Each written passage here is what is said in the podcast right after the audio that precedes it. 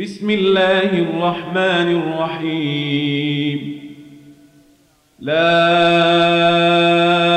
أقسم بهذا البلد وأنت حل بهذا البلد ووالد وما ولد لقد خلقنا الإنسان في كبد. أيحسب أن لن يقدر عليه أحد يقول أهلكت مالا لبدا أيحسب أن لم يره أحد؟ ألم نجعل له عينين ولسانا وشفتين وهديناه النجدين فلاقتحم العقبة؟ وما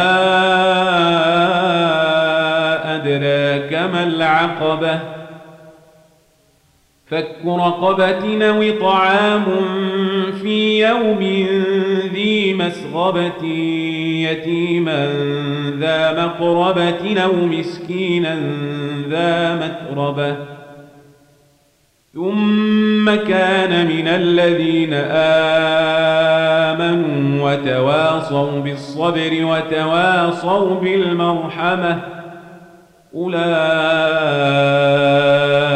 أصحاب الميمنة. والذين كفروا بآياتنا هم